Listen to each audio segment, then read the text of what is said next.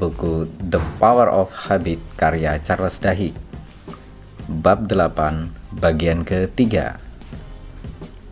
Pada musim panas tahun 1979 Seorang mahasiswa seminari yang berkulit putih yang baru berusia satu tahun sewaktu Rosa Parks ditahan.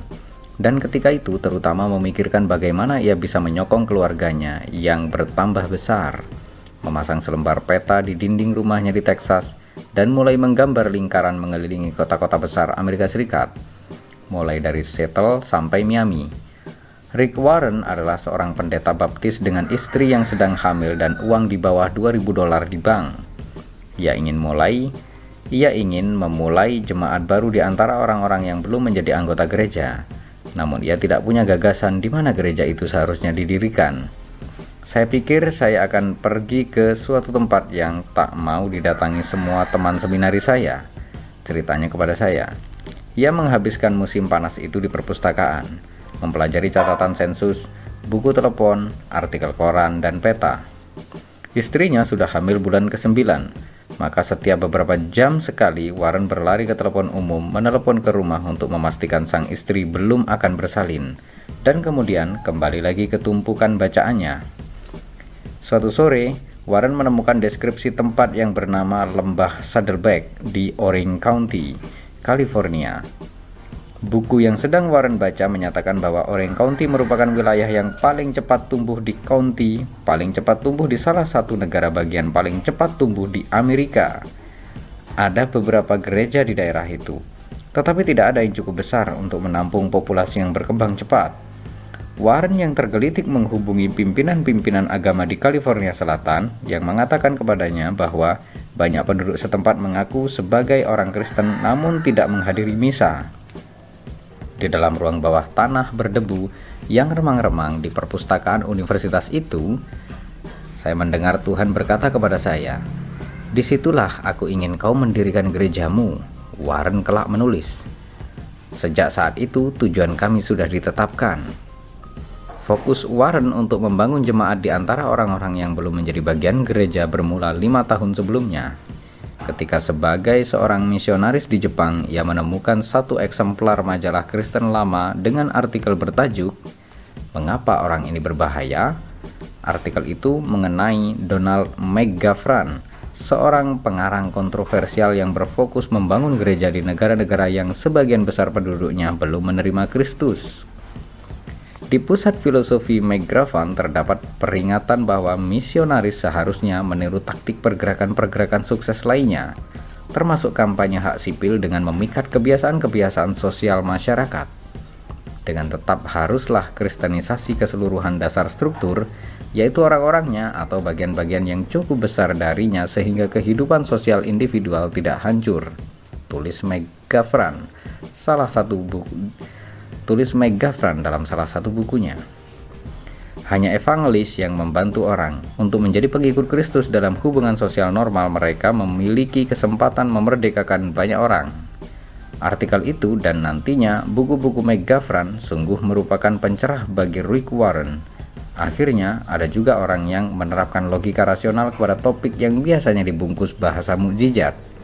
Ini dia orang yang paham bahwa agama harus kasarnya dipasarkan. Megafran menyusun strategi yang menginstruksikan kepada para pembangun gereja untuk berbicara kepada orang-orang dalam bahasa mereka sendiri, menciptakan tempat peribadatan di mana jemaat bertemu teman-teman mereka, mendengarkan jenis-jenis musik yang sudah biasa mereka dengarkan, dan memperoleh pelajaran-pelajaran Alkitab dalam kiasan yang mudah dicerna. Yang paling penting, Megafran pendeta harus menarik kelompok orang, bukan individu sehingga kebiasaan-kebiasaan sosial komunitas akan mendorong keikutsertaan dalam agama, bukan menarik orang menjauh. Bulan Desember, setelah lulus dari seminari dan bayinya terlahir, Warren memasukkan keluarga dan barang-barangnya ke dalam mobil box, mengemudikan mobil itu ke Orange County, dan menyewa flat kecil. Kelompok doa pertamanya memikat tujuh orang dan menggelar ibadat di ruang keluarganya.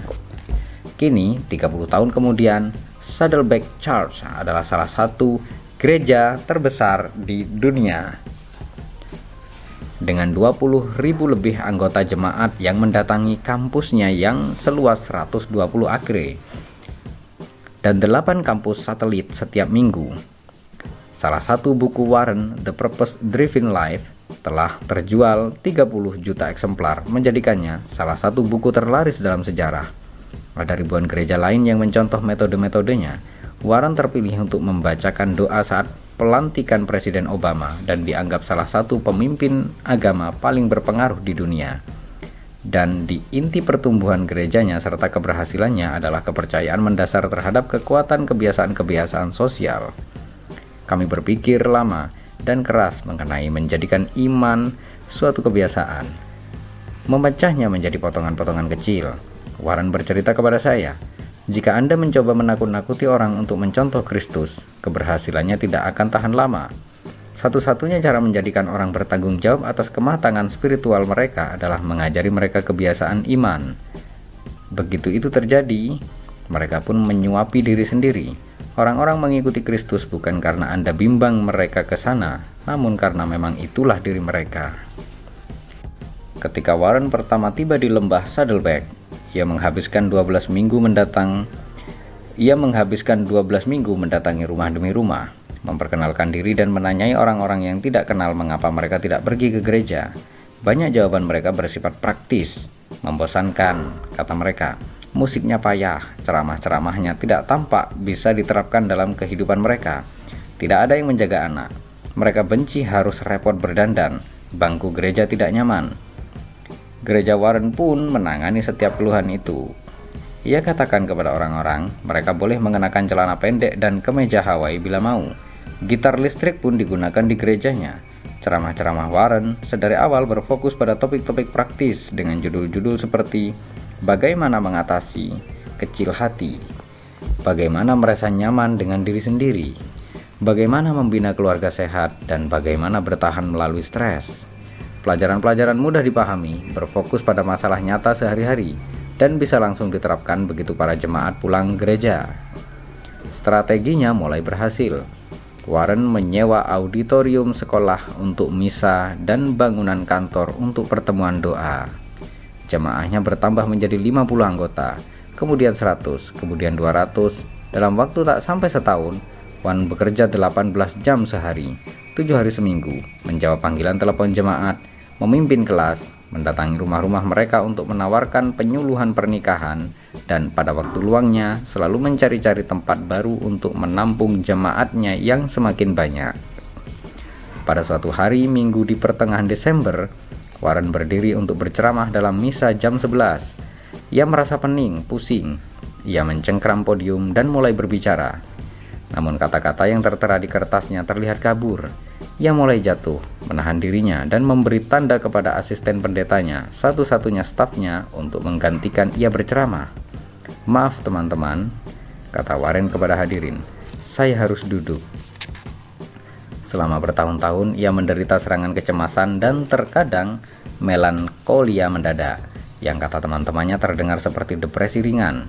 Namun sebelumnya tidak pernah seburuk ini. Hari berikutnya, Warren dan keluarganya mulai berkendara ke Arizona, di mana keluarga istrinya punya satu rumah.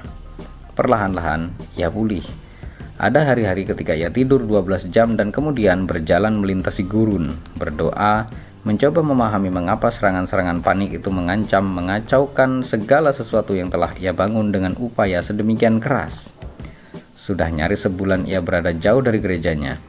Melankolianya menjadi depresi penuh lebih gelap daripada apa pun yang pernah ia alami sebelumnya. Ia tidak yakin apakah ia akan bisa cukup sehat untuk kembali ke Saddleback. Warren seperti pendeta seharusnya kerap memperoleh pencerahan. Ia mendapat pencerahan sewaktu ia menemukan artikel majalah tentang Megafran dan di perpustakaan di Texas. Saat berjalan melintasi gurun, ia mendapat satu lagi pencerahan. Fokuslah engkau membangun orang, kata Tuhan kepadanya dan akan kubangun gereja. Tapi tidak seperti pencerahan yang ia peroleh sebelumnya, yang satu ini tidak tahu-tahu membuka jalan dengan mudah. Warren terus bergelut dengan depresi selama berbulan-bulan dan kemudian dalam periode-periode tertentu sepanjang hidupnya. Tapi hari itu ia membuat dua keputusan. Ia akan kembali ke Saddleback dan akan mencari tahu bagaimana mengurangi kerja dalam menjalankan gereja. Ketika Warren kembali ke Saddleback, ia memutuskan untuk mengembangkan percobaan kecil yang ia mulai beberapa bulan sebelumnya yang ia harapkan akan mempermudah pengelolaan gereja. Ia tidak pernah yakin ia akan punya cukup ruang kelas untuk menampung semua orang yang datang untuk belajar Alkitab, sehingga ia meminta beberapa anggota gereja agar kelas Alkitab boleh digelar di rumah mereka. Ia khawatir orang-orang mungkin mengeluh harus pergi ke rumah orang, bukan ke kelas gereja sungguhan. Namun jemaat menyukainya, kata mereka. Kelompok-kelompok kecil itu memberi mereka kesempatan bertemu tetangga. Mereka, maka setelah kembali dari cuti, Warren membagi semua anggota Saddleback ke dalam kelompok-kelompok kecil yang bertemu setiap minggu. Itulah salah satu keputusan terpenting yang pernah ia buat karena mengubah keikutsertaan gereja dari satu keputusan menjadi suatu kebiasaan yang memanfaatkan dorongan-dorongan dan pola-pola sosial yang sudah ada sebelumnya. Kini, waktu orang-orang datang ke Saddleback dan melihat sedemikian banyaknya masa pada akhir minggu, mereka pikir itu sukses kami, kata Warren kepada saya. Tapi itu hanya puncak gunung es. 95% gereja ini adalah yang terjadi pada hari kerja di dalam kelompok-kelompok kecil itu. Jemaat dan kelompok-kelompok kecil bagaikan dua dalam satu. Ada masa besar yang mengingatkan Anda mengapa Anda melakukan ini, dan kelompok kecil teman-teman dekat untuk membantu Anda fokus beriman. Bersama-sama, mereka bagaikan lem. Kami sekarang memiliki 5.000 lebih kelompok kecil. Itulah satu-satunya yang membuat gereja sebesar ini bisa dikelola. Kalau tidak, bisa-bisa saya mati karena kelelahan kerja dan 95% jemaat tak akan pernah menerima perhatian yang mereka cari dengan datang ke sini. Tanpa menyadarinya, Warren dalam beberapa cara telah mereplikasi struktur yang mendorong maju boykot bis Montgomery, walaupun ia melakukannya secara terbalik.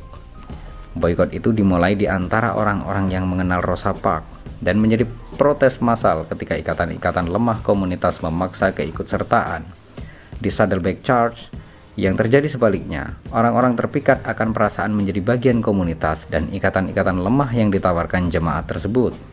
Kemudian setelah menjadi anggota, mereka didorong ke dalam kelompok-kelompok kecil tetangga. Anggaplah cawan Petri tempat menumbuhkan ikatan-ikatan akrab, di mana iman menjadi aspek pengalaman sosial dan kehidupan sehari-hari. Tapi, menciptakan kelompok-kelompok kecil tidaklah cukup. Ketika Warren menanyai orang-orang apa yang mereka diskusikan dalam pertemuan kelompok, ia mendapati bahwa mereka membicarakan Alkitab dan berdoa bersama selama 10 menit, dan kemudian menghabiskan sisa waktu membahas anak-anak atau bergosip. Tapi tujuan Warren bukan sekedar membantu orang menjalin pertemanan baru, tujuannya adalah membangun komunitas orang beriman untuk mendorong orang agar menerima ajaran-ajaran Kristus dan menjadikan iman fokus dari kehidupan mereka. Kelompok-kelompok kecilnya telah menciptakan pertalian erat, namun tanpa kepemimpinan mereka sekedar kelompok arisan. Mereka tidak memenuhi harapan-harapan religiusnya. Warren terpikir lagi soal Megafran, sang pengarang.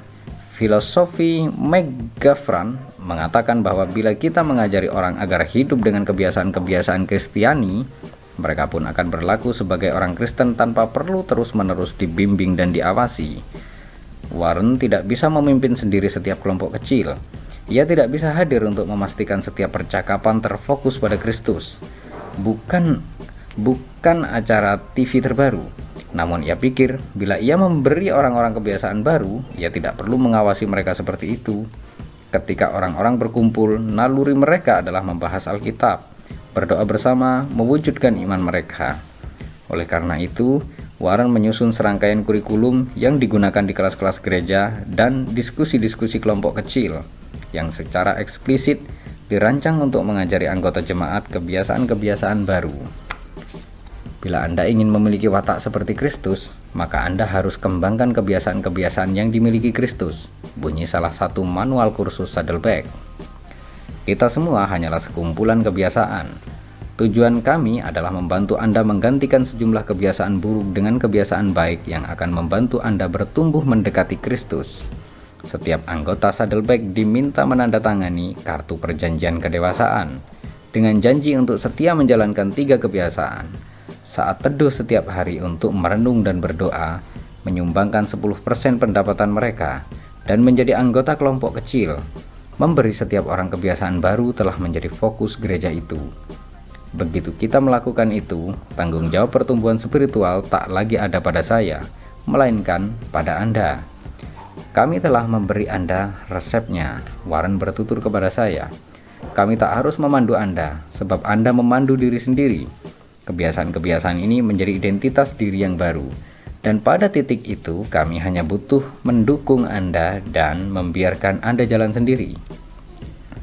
Wawasan Warren adalah ia bisa mengembangkan gerejanya dengan cara yang sama seperti Martin Luther King membesarkan boykot, mengandalkan kombinasi antara ikatan-ikatan kuat dan lemah, tapi mengubah gerejanya menjadi sesuatu pergerakan memperbesarkan hingga mencakup 20.000 jemaat dan ribuan pendeta lain membutuhkan sesuatu yang lebih sesuatu yang membuat gerejanya mengembangkan diri sendiri. Warren perlu mengajari jemaatnya kebiasaan-kebiasaan yang menyebabkan mereka hidup beriman bukan karena ikatan-ikatan mereka. Namun karena itulah diri mereka adanya. Inilah aspek ketiga bagaimana kebiasaan-kebiasaan sosial mendorong pergerakan. Agar berkembang melampaui sebuah komunitas, suatu gagasan harus bisa mendorong diri sendiri, dan cara terpasti mencapai itu adalah memberi orang kebiasaan-kebiasaan baru yang membantu mereka mencari tahu ke mana harus pergi sendiri. Seiring berkembangnya boykot bis dari beberapa hari menjadi seminggu, dan kemudian sebulan, dan kemudian dua bulan, komitmen komunitas kulit hitam Montgomery mulai memudar. Komisioner polisi yang mengutip aturan yang mensyaratkan supir taksi menarik ongkos minimum mengancam akan menahan supir supir taksi yang mengantar orang kulit hitam ke tempat kerja dengan memberikan diskon. Para pemimpin boykot menanggapi dengan mengumpulkan 200 sukarelawan untuk berperan serta menyediakan tebengan mobil. Polisi mulai memberikan tilang dan mengganggu orang-orang di tempat-tempat pertemuan tebengan. Jumlah pengendara mulai turun semakin sulit saja menumpang, tulis King nantinya. Keluhan-keluhan mulai meningkat. Dari pagi buta sampai larut malam, telepon saya berbunyi terus dan bel rumah saya jarang diam. Saya mulai meragukan kemampuan komunitas Negro untuk terus berjuang. Suatu malam, waktu King sedang berceramah di gerejanya, seorang pesuruh mendekat dengan pesan darurat. Ada bom meledak di rumah King, sementara istri dan anak perempuannya yang masih kecil ada di dalam. King bergegas pulang dan disambut oleh kerumunan ratusan orang kulit hitam, juga wali kota dan kepala polisi. Keluarganya tidak terluka, namun jendela-jendela depan rumahnya hancur berantakan dan terasnya berlubang. Bila ada yang sedang berada di ruang depan rumah saat bom itu meledak, mereka bisa jadi terbunuh. Sewaktu King memeriksa kerusakan, semakin banyak orang kulit hitam tiba. Para polisi mulai menyuruh masa untuk membubarkan diri. Seseorang mendorong seorang polisi. Sebuah botol melayang di udara. Salah seorang polisi mengayunkan tongkat pemukul. Sang kepala polisi yang beberapa bulan sebelumnya secara terbuka menyatakan dukungan terhadap White Citizen Council yang rasis, menarik King ke pinggir dan meminta ia melakukan sesuatu, apa saja untuk mencegah kerusuhan pecah. King berjalan ke terasnya. Jangan panik, ia berteriak kepada masa. Jangan ambil senjata. Barang siapa hidup dengan pedang akan berakhir hidupnya di ujung pedang. Masa menjadi tenang. Kita harus cinta saudara-saudara kulit putih kita. Tak peduli apa yang mereka lakukan kepada kita, kata King. Kita harus buat mereka tahu kita mencintai mereka. Yesus masih memekik dalam kata-kata yang bergema melintasi abad demi abad. Cintai musuhmu, berkati mereka yang mengutukmu, doakan mereka yang memaafkanmu. Itulah pesan anti kekerasan yang King semakin sering. Itulah pesan anti kekerasan yang King semakin sering siarkan selama berminggu-minggu. Temanya yang diilhami tulisan-tulisan Gandhi dan ceramah-ceramah Yesus dalam banyak segi adalah argumen yang belum pernah didengar pengikutnya dalam konteks itu.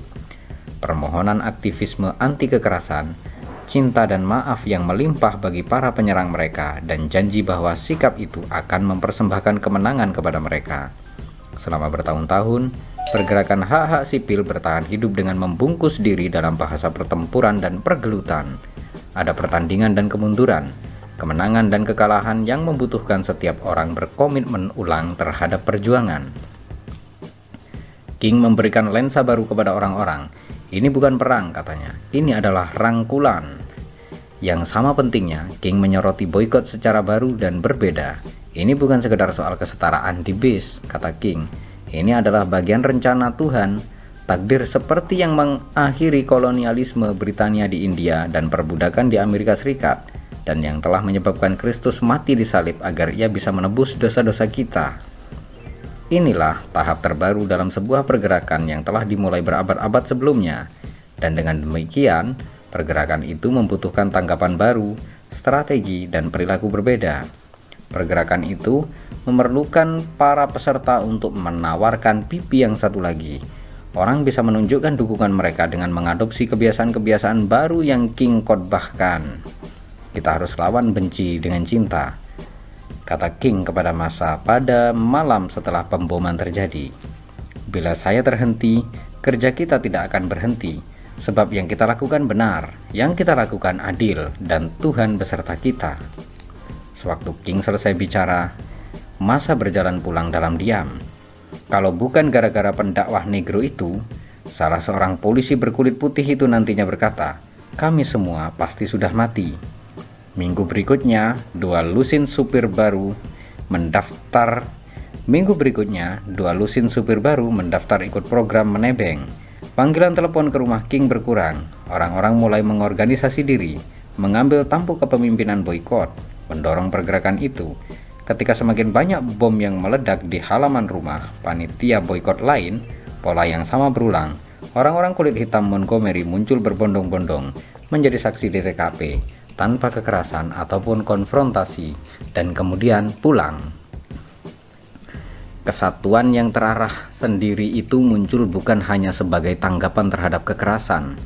Gereja-gereja mulai mengadakan pertemuan massal setiap minggu, terkadang setiap malam, pertemuan ibarat pidato Dr. King setelah pemboman, mereka mengambil ajaran-ajaran Kristiani dan menjadikannya politis. Tyler Branch berkata kepada saya, Suatu pergerakan adalah cerita kepahlawanan. Agar berhasil, identitas setiap orang harus berubah. Orang-orang di Montgomery harus mempelajari cara baru bertindak. Mirip sekali dengan Alcoholics Anonymous yang memperoleh kekuatan dari pertemuan-pertemuan kelompok di mana para pecandu mempelajari kebiasaan-kebiasaan baru dan mulai menjadi percaya dengan mengamati orang-orang lain menunjukkan keimanan mereka. Warga Montgomery pun dalam pertemuan-pertemuan massal mempelajari perilaku-perilaku baru yang mengembangkan pergerakan itu. Orang-orang datang untuk melihat bagaimana orang-orang lain menanganinya, kata Branch. Kita pun mulai melihat diri sebagai bagian proyek sosial raksasa, dan setelah beberapa lama, kita pun betul-betul mempercayai hal itu. Ketika polisi Montgomery beralih ke penahanan massal guna menghentikan boykot yang telah berlangsung tiga bulan, komunitas pun merangkul penindasan itu. Ketika 90 orang didakwa oleh hakim pra-peradilan, nyaris mereka semua bergegas ke pengadilan untuk minta ditahan. Sebagian pergi ke kantor sheriff untuk melihat apakah nama mereka ada dalam daftar dan mereka kecewa ketika nama mereka tidak ada. King nantinya menulis, orang-orang yang tadinya ditindas ketakutan telah berubah. Pada tahun-tahun berikutnya, seiring meluasnya pergerakan dan hadirnya gelombang pembunuhan dan serangan, penahanan dan pemukulan para pemrotes bukannya melawan balik, mundur atau menggunakan taktik-taktik yang dalam tahun-tahun sebelum Montgomery menjadi alat terpenting aktivis, hanya bergeming dan berkata kepada para preman berkulit putih bahwa mereka siap memaafkan ketika kebencian para preman itu telah lenyap. Bukannya menghentikan pergerakan, taktik lawan hanya memberikan momentum yang lebih besar dan membuat kami semakin kompak, tulis King. Mereka kira mereka berurusan dengan kelompok yang bisa dibujuk atau dipaksa melakukan apa pun yang orang kulit putih inginkan. Mereka tidak sadar mereka menghadapi orang-orang negro yang telah terbebas dari rasa takut. Tentu saja, ada banyak alasan rumit mengapa boykot bis Montgomery berhasil dan mengapa boykot itu menjadi pemicu pergerakan yang menyebar ke seluruh Amerika Serikat bagian selatan. Namun salah satu faktor terpenting adalah Aspek ketiga kebiasaan sosial yang tertanam dalam filosofi King adalah seperangkat perilaku baru yang mengubah peserta dari pengikut menjadi pemimpin yang mengarahkan diri sendiri. Ini bukan kebiasaan seperti yang kita pikirkan secara konvensional, tapi ketika King menata ulang perjuangan Montgomery dengan memberi para pemrotes suatu rasa identitas diri yang baru, protes itu pun menjadi pergerakan yang dijalankan oleh orang-orang yang bertindak sebab mereka telah mengambil kepemilikan suatu peristiwa bersejarah dan pola sosial itu lama-kelamaan menjadi otomatis dan menyebar ke tempat-tempat dan kelompok-kelompok mahasiswa dan pemrotes lain yang King tak pernah jumpai. Namun bisa mengambil tampuk kepemimpinan pergerakan hanya dengan waktu mengamati bagaimana para pesertanya terbiasa berperilaku. Pada 5 Juni 1956, panel hakim federal menyatakan bahwa hukum pemisahan ras bis Montgomery melanggar konstitusi. Kota itu mengajukan banding ke Mahkamah Agung Amerika Serikat dan pada 17 Desember, lebih daripada setahun setelah Park ditahan, pengadilan tertinggi menolak banding terakhir. Tiga hari kemudian, para pejabat kota menerima perintah, bis harus diintegrasikan. Pagi berikutnya, pada pukul 5.55 pagi, King Edeniction Ralph Abernathy dan yang lain naik ke bis kota untuk pertama kalinya dalam 12 bulan lebih dan duduk di bagian depan. Anda pendeta King bukan? Tanya si sopir yang berkulit putih. Betul, itu saya. Kami sangat senang melayani Anda pagi ini, kata sang sopir. Nantinya, jaksa NAACP yang kelak menjadi hakim Mahkamah Agung, Thurgood Marshall akan mengklaim bahwa boykot itu tidak berpengaruh besar dalam mengakhiri pemisahan ras dalam base di Montgomery. Yang mengubah hukum adalah Mahkamah Agung bukan karena kedua pihak sama-sama mengalah. Segala demo itu tidak ada gunanya, kata Marsal. Padahal mereka hanya perlu menunggu sementara kasus bis itu berjalan di pengadilan tanpa perlu repot-repot dan ribut-ribut segala soal boykot. Tapi Marsal salah. Tapi Marsal salah dalam satu hal penting Boykot bis Montgomery membantu lahirnya seperangkat kebiasaan sosial baru yang dengan cepat menyebar ke Greensboro, North Carolina, Selma, Alabama, dan Little Rock, Arkansas. Pergerakan hak-hak sipil menjadi gelombang protes duduk dan demonstrasi damai, meskipun para peserta dipukuli dengan keji. Pada awal 1960-an, pergerakan itu telah mencapai Florida, California, Washington DC, dan aula-aula Kongres ketika Presiden Lyndon Johnson menandatangani Undang-Undang Hak Sipil pada 1964 yang melarang segala bentuk pemisahan ras maupun diskriminasi terhadap minoritas dan kaum perempuan. Ia menyamakan aktivis-aktivis hak sipil dengan para pendiri negara. Suatu perbandingan yang satu dasawarsa sebelumnya merupakan bunuh diri politis. 188 tahun lalu, Minggu ini, sekelompok kecil laki-laki pemberani memulai perjuangan panjang demi kemerdekaan. Ia berkata di depan kamera-kamera televisi, Kini generasi kita adalah orang-orang Amerika yang terpanggil untuk meneruskan pencarian keadilan tanpa akhir di dalam batas-batas negeri kita sendiri. Pergerakan tidak muncul karena mendadak setiap orang memutuskan untuk menghadap ke arah yang sama. Pergerakan mengandalkan pola-pola sosial yang bermula sebagai kebiasaan pertemanan, tumbuh melalui kebiasaan komunitas dan dipertahankan oleh kebiasaan-kebiasaan baru yang mengubah rasa identitas peserta. King menyadari kekuatan kebiasaan-kebiasaan itu sejak di Montgomery. Saya harus menutup acara ini dengan wanti-wanti. Ia berucap di hadapan hadirin yang memenuhi gereja pada malam ia mengumumkan penghentian boykot. Ia masih akan mengajukan protes lagi selama satu dasawarsa. Namun ujung perjuangannya telah terlihat Selagi kita kembali naik bis, marilah tetap mengasihi agar lawan kita berubah menjadi kawan. Kini kita harus berganti dari protes menjadi rekonsiliasi. Dengan pengabdian ini, kita akan mampu muncul dari tengah malam penindasan antar manusia yang suram dan sengsara menuju fajar kebebasan dan keadilan yang cerah dan berkilau. Terima kasih dan bersambung ke bab 9.